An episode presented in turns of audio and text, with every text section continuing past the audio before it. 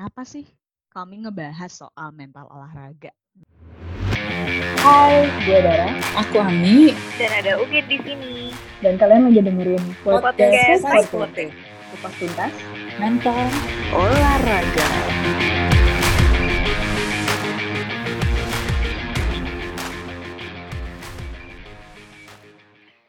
Sobat gerak. Ya, jadi kami lagi rekaman di rumah masing-masing nih karena kan lagi ada PSBB ya. Jadi ya kalau ada suara lucu-lucu gitu dimaklumin aja ya. Ini kami juga sama kok kayak kalian semua sobat gerak yang lagi di rumah aja gitu. Em, jadi gimana nih? Apa kabar nih kalian semua? Udah lama gak sih kita nggak ketemu? Gila udah berapa lama ya? Selalu jaga kesehatan ya walaupun tetap di rumah semuanya. Ini Dara sama Uge, apa kabar nih setelah sebulan di rumah aja? Ya Allah, gue sampai lupa loh ini udah berapa lama ya. Cuman eh, enak sih tetap WFH, tetap mau gimana juga tetap produktif gitu. Pinter-pinternya kita aja nih untuk mengatur kebosanan, emosi segala macem. Yoi banget. Ugi gimana, Ge? Hmm, iya ya kita kayak udah terakhir kapan ya kita ketemu teman-teman? Kayaknya udah sebulan yang lalu mungkin. Ya gini-gini aja nih hidupnya sekarang. Iya sih, semenjak ada pembatasan sosial kayak gini, pada di karantina, pada mengkarantina diri sendiri, banyak sih tiba-tiba teman-teman tuh banyak banget yang nyobain hal-hal baru. Mereka tuh mendadak jadi kreatif. Ada yang kayak kita bikin podcast, terus gue juga lihat ada yang update pada olahraga, mendadak semuanya jadi anak gym, kemudian mendadak jadi koki, suka gambar, macam-macam sih. Eh, intinya orang-orang tetap beradaptasi nih dan juga pada tetap gerak yang jelas. Jadi banyak yang ubah haluan profesi dadakan gitu ya, Dar ya? Yoi. Oke, kalau tadi Dara sempat bilang ada yang bikin podcast, kalau kegiatan kami juga baru banget nih bikin podcast ini. Iseng sih, cuman ya iseng-iseng serius gitu, iya nggak sih? Iseng-iseng serius, lumayan sih. Jadi untuk episode kali ini kami mau kenalan aja sih sama sedikit ngasih gambaran tentang kenapa sih mental olahraga sama apa sih sebenarnya pentingnya mental olahraga itu. Em, selain itu juga mau kenalan sama orang-orang yang bersuara di sini nih. Kayak siapa sih itu Dara, Mbak Ami, dan gue pun juga siapa gitu loh di sini. Dan mungkin selain itu di podcast ini juga akan ngebahas tentang apa sih yang mau dibahas gitu tentang podcast ini tuh akan ada bahasan apa. Jadi kalau kalian penasaran, tetap dengerin aja ya sampai akhir. Nah, dimulai dari pertanyaan nih, kenapa sih kami ngebahas soal mental olahraga? Nanti dari situ baru lanjut ke yang lainnya nih. Hmm, tunggu deh Dar.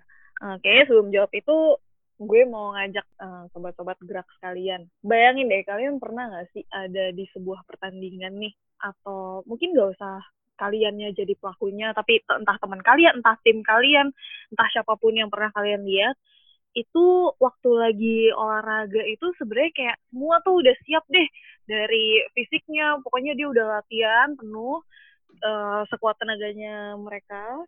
Terus eh tiba-tiba masih aja gitu ada yang kurang di lapangannya. Tiba-tiba poinnya kalah lah tiba-tiba dari yang biasanya kencang banget sekarang jadi menurun lah performanya gitu. Coba deh diingat-ingat ya. Kalau misalkan kalian atau enggak teman-teman kalian atau enggak kalian pernah ngeliat hal-hal kayak gini. Kalau dari cerita yang aku share sedikit itu, Mbak Mi pernah ngalamin gak sih? Atau mungkin teman-temannya Mbak Mi pernah ngalamin hal yang sama gitu? Iya, paling sering tuh lihat temen-temen yang penggiat olahraga, terus eh, awalnya tuh semangat banget olahraga, udah pada beli baju-baju olahraga yang warna-warni lah, eh, gadget-gadgetnya segala macam gitu, tapi terus udah gitu eh, di tengah-tengah program nggak taunya nggak semangat, terus eh, ya udah nggak selesaiin programnya, sayang banget kan? Iya, jadi berhenti di tengah-tengah gitu ya Mbak ya? Mm-mm. Seru nggak sih, eh, sobat kalau misalnya contoh yang di- disebutin sama UG sama Mbak Ami tadi itu artinya olahraga, walaupun namanya memang olahraga, ternyata nggak cuman faktor fisik doang nih yang main, tapi ada juga faktor-faktor lain yang nggak kelihatan. Contohnya ya aspek psikologis atau mental ini. Nah, ini dia alasan kenapa kami eh, mau membahas masalah mental atau psikologi olahraga di podcast ini, karena masih jarang juga ya kayaknya ya. Nah, Uga sama Mbak Ami eh, bisa juga nih saling sharing kira-kira apa sih yang pernah dialami oleh kalian atau yang dialami oleh sobat gerak gitu ya di lapangan. Kalau dari lo dulu, Dar, gimana? Boleh sharing mungkin? Kalau dari gue sih ya, eh, akhir-akhir ini yang paling hits adalah karena COVID, batal tuh semua race event. Teman-teman yang memang sobat-sobat yang memang sport enthusiast, yang katanya runners, pada pusing semuanya. Nah, penundaan ini nggak cuma secara fisik kenanya, tapi secara mental. Respon mereka ada tiga hal gitu. Yang pertama yang uh, dia ngedown, sedih. Yang kedua justru seneng, karena bisa ada waktu tambahan lain. Yang ketiga, uh, campur aduk tapi intinya adalah satu event bisa berefeknya ke mental seorang tuh bisa beda-beda. Nah, itu bisa banget nih dibahas gitu.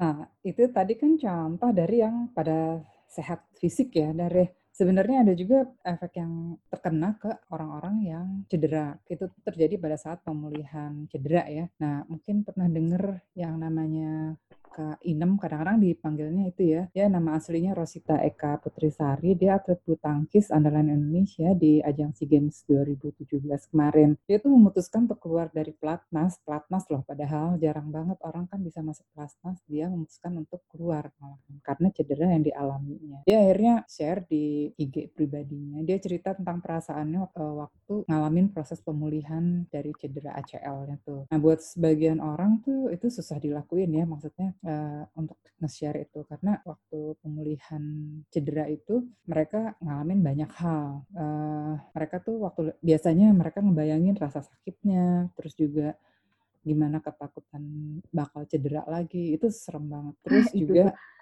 Apalagi kalau misalnya dia sempat ngelakuin operasi yang pastinya bikin rasa sakit baru juga. Ya pokoknya kalau misalnya cedera ini emang momen yang sulit lah ya. Jadi penting banget nih ada uh, apa bahasan tentang hal itu ya kapan-kapan deh kita bahas masalah ini ya secara mendalam. Karena setiap olahraga tuh beda-beda juga. Kayak misalnya kalau misalnya ada cedera di uh, kegiatan uh, ya rafting dia tuh ketakutannya berlipat juga ya. Bukan karena takut olahraganya sendiri tapi juga takut sama jadi kayak alamnya, sungainya, uh, kegiatan iya raftingnya sendiri itu ya gimana sih ya atlet rafting tapi nggak mau ke sungai itu gimana coba? Menarik banget ya Mbak ya ternyata ya. Iya ya, menarik juga kalau dibahas lebih lanjut. Kalau tadi Mbak Ami ngomongin tentang cedera, tapi emang ngeri banget ya sobat-sobat sekalian kalau udah cedera kayak gitu tuh kayak, ada gimana ya, mau lanjut juga bingung. Terus tadi juga uh, Dara juga sempat bahas tentang penundaan race.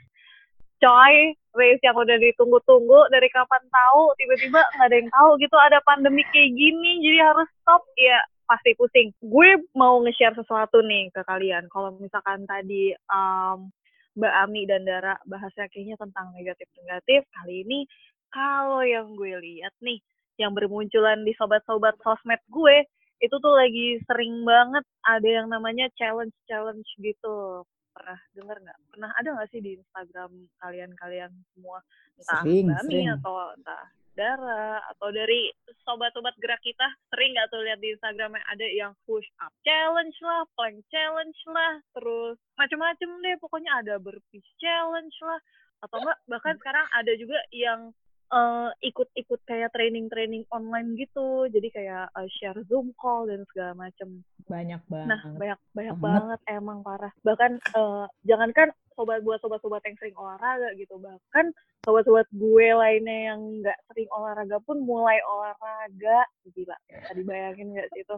Iya sih itu ya keren keren banget nih. Iya tiba-tiba uh, gue mikir aja sih tiba-tiba kayaknya habis pandemi ini semua orang jadi ini ya jadi olahraga mulu gitu. Jadi ramai ntar lapangan pas sudah selesai psbb dan segala macam ini. Tapi menurut gue ini hal yang cukup baik sih dari mbak Mi kayak um, hmm. mungkin dulu tuh orang-orang pada mager gitu ya olahraga. Tapi karena sekarang ya emang harus di rumah aja dan nggak tahu mau ngapain mungkin ngisinya di olahraga akhirnya jadi rutinitas gitu sih buat mereka. Mungkin dengan dengan postingan-postingan mereka terus kan kalau kalian pernah lihat tuh postingan mereka kan suka nge-tag. Misalkan kayak dari Mbak Ami nih ngeposting, nge-tagnya ke gue, terus nanti gue udah beres nih, gue nge-tag saudara. Ini bisa jadi ide nih sebenarnya buat sobat gerak yang lagi di rumah aja. Lumayan lah, berawal dari iseng-iseng nge-tag, challenge-challenge olahraga gitu, siapa tahu kan bisa nimbulin motivasi nih buat mulai olahraga, dan ya untung-untung jadi rutin kan tapi uh, challenge-nya juga harus yang cukup masuk akal ya dan sesuai sama kemampuan kalian masing-masing biar nanti nggak terjadi hal-hal yang nggak diinginkan. Tapi gue juga lihat sih, gue emang sobat-sobat online gue banyak banget ikut challenge dari challenge uh, apa pass the brush pass the brush challenge sampai yang tadi itu yang lo sebutin semuanya. Ini menarik sih untuk dibahas karena yang gue lihat case kayak gini bisa jadi rantai motivasi gitu sih buat teman-teman. Cuman untuk pembahasan lebih dalamnya di episode-episode yang akan datang aja kali ya. Nah, uh, setelah shari, saling sharing gini, kita kan ternyata tahu ya, ternyata uh, sisi mental atau sisi psikologi di olahraga tuh macam-macam dari yang mungkin negatif seperti yang Mbak Ami tadi bilang atau jadi yang positif nih, jadi kita tertrigger gitu untuk olahraga. Nah, cuman mungkin banyak uh, sobat-sobat yang belum sadar soal hal ini. Mungkin kalian juga belum pernah dengar kali ya soal uh, masalah mental di olahraga. Sebenarnya kalau di rumpun keilmuan, uh, ini termasuk namanya sport psychology atau psikologi olahraga. Itu apa sih? Gampangnya sih itu adalah ilmu psikologi yang diterapkan di setting olahraga atau bidang olahraga. Sesimpel itu. Nah, di Indonesia sendiri, uh, kalau ikatan yang tentang psikologi olahraga ini ada namanya Ikatan Psikologi Olahraga atau IPO. Dia itu di bawah HIMSI atau Organisasi Profesi Psikologi di Indonesia. Cuman mungkin belum terlalu kedengeran aja soundingnya kali ya. Jarang ya, masih jarang kedengeran ya, Dari ya. Betul, mungkin uh, sobat juga baru pertama kali ya dengar di sini, cuman nggak apa-apa kita memang sekalian naikin awareness ya Mbak ya. Iya, nah semoga penjelasan tadi juga membuat uh, sobat-sobat gerak ini lebih sadar tentang aspek mental di olahraga. Nanti kalian juga boleh loh uh, berbagi cerita lewat email atau IG kami tentang apa yang kalian alami ketika berolahraga gitu. Tapi aspek mentalnya ya, bukan berapa kilogram nih udah turun kayak gitunya, tapi aspek mentalnya secara khusus. Terus juga eh, kita udah banyak ngobrol nih, cuman kita masing-masing belum mengenalin diri ya. Singkat aja nih, dan kenapa kami akhirnya membuat si Size Porte ini? Oke, dari gue dulu kali ya, Dar. Hmm, kalau gue, nama gue Uge, gue anak psikologi. Kalau boleh sharing sedikit soal olahraga, gue pernah ikut obstacle-obstacle race gitu. Atau biasanya dikenal sebagai lari halang rintang gitu kalau kalian tahu. Tapi kalau sekarang, ya gitu deh, cuma olahraga-olahraga iseng-iseng lucu aja. Jadi Anda curhat? Nggak apa-apa, kadang-kadang memang isu itu dari diri diri dulu ya, Ugi dan Mbak Ami, baru setelah itu kan bisa dibahas lagi nih banyak banget. Internal issue ya. Oke, menarik juga nih topiknya. Tapi kalau gitu kita lanjut dulu kali ya. Mbak Ami, gimana Mbak Ami? Oke, aku Ami. uh, background pendidikannya juga dari psikologi. Nah, uh, sekarang mendalami tentang psikolo psikologi olahraga karena juga uh, lagi bergiat di olahraga rafting, khususnya untuk tim di kelompok master, master woman ya. Master itu ya. Umur berapa tuh master? Nah, di atas 40 tahun. Jadi udah ketahuan oh, kan jadi umurnya. Aduh. Wah, menarik nih sobat-sobat gerak. Mana katanya kalau udah berumur susah olahraga, nggak kuat olahraga, udah rentan. Nih Mbak Mi nih, kelas master. Timnas loh, nasional mewakili Indonesia. Jangan salah ya, jangan salah. Mendadak master juga nggak apa-apa. Oke, uh, kalau misalnya tadi UG di individu, terus Mbak Ami di kelompok dan outdoor, sekarang uh, gue Dara, background pendidikan gue juga sama sama UG dan Mbak Ami, gue dari psikologi. Kalau dari olahraga, gue uh, waktu kuliah gue main futsal. Setelah lulus, gue beralih ke lebih ke martial art ya. Jadi gue belajar pedang Eropa gitu deh, kayak fencing, cuman fencing kuno zaman dulu. Gitu. Jadi kita lengkap nih, ada macam-macam dari olahraganya yang kelompok, individu, terus ada juga yang uh, martial art. Oke, jadi tadi kami sudah nge-share nih background kami masing-masing. Pada dasarnya kami semua itu backgroundnya psikologi, iya.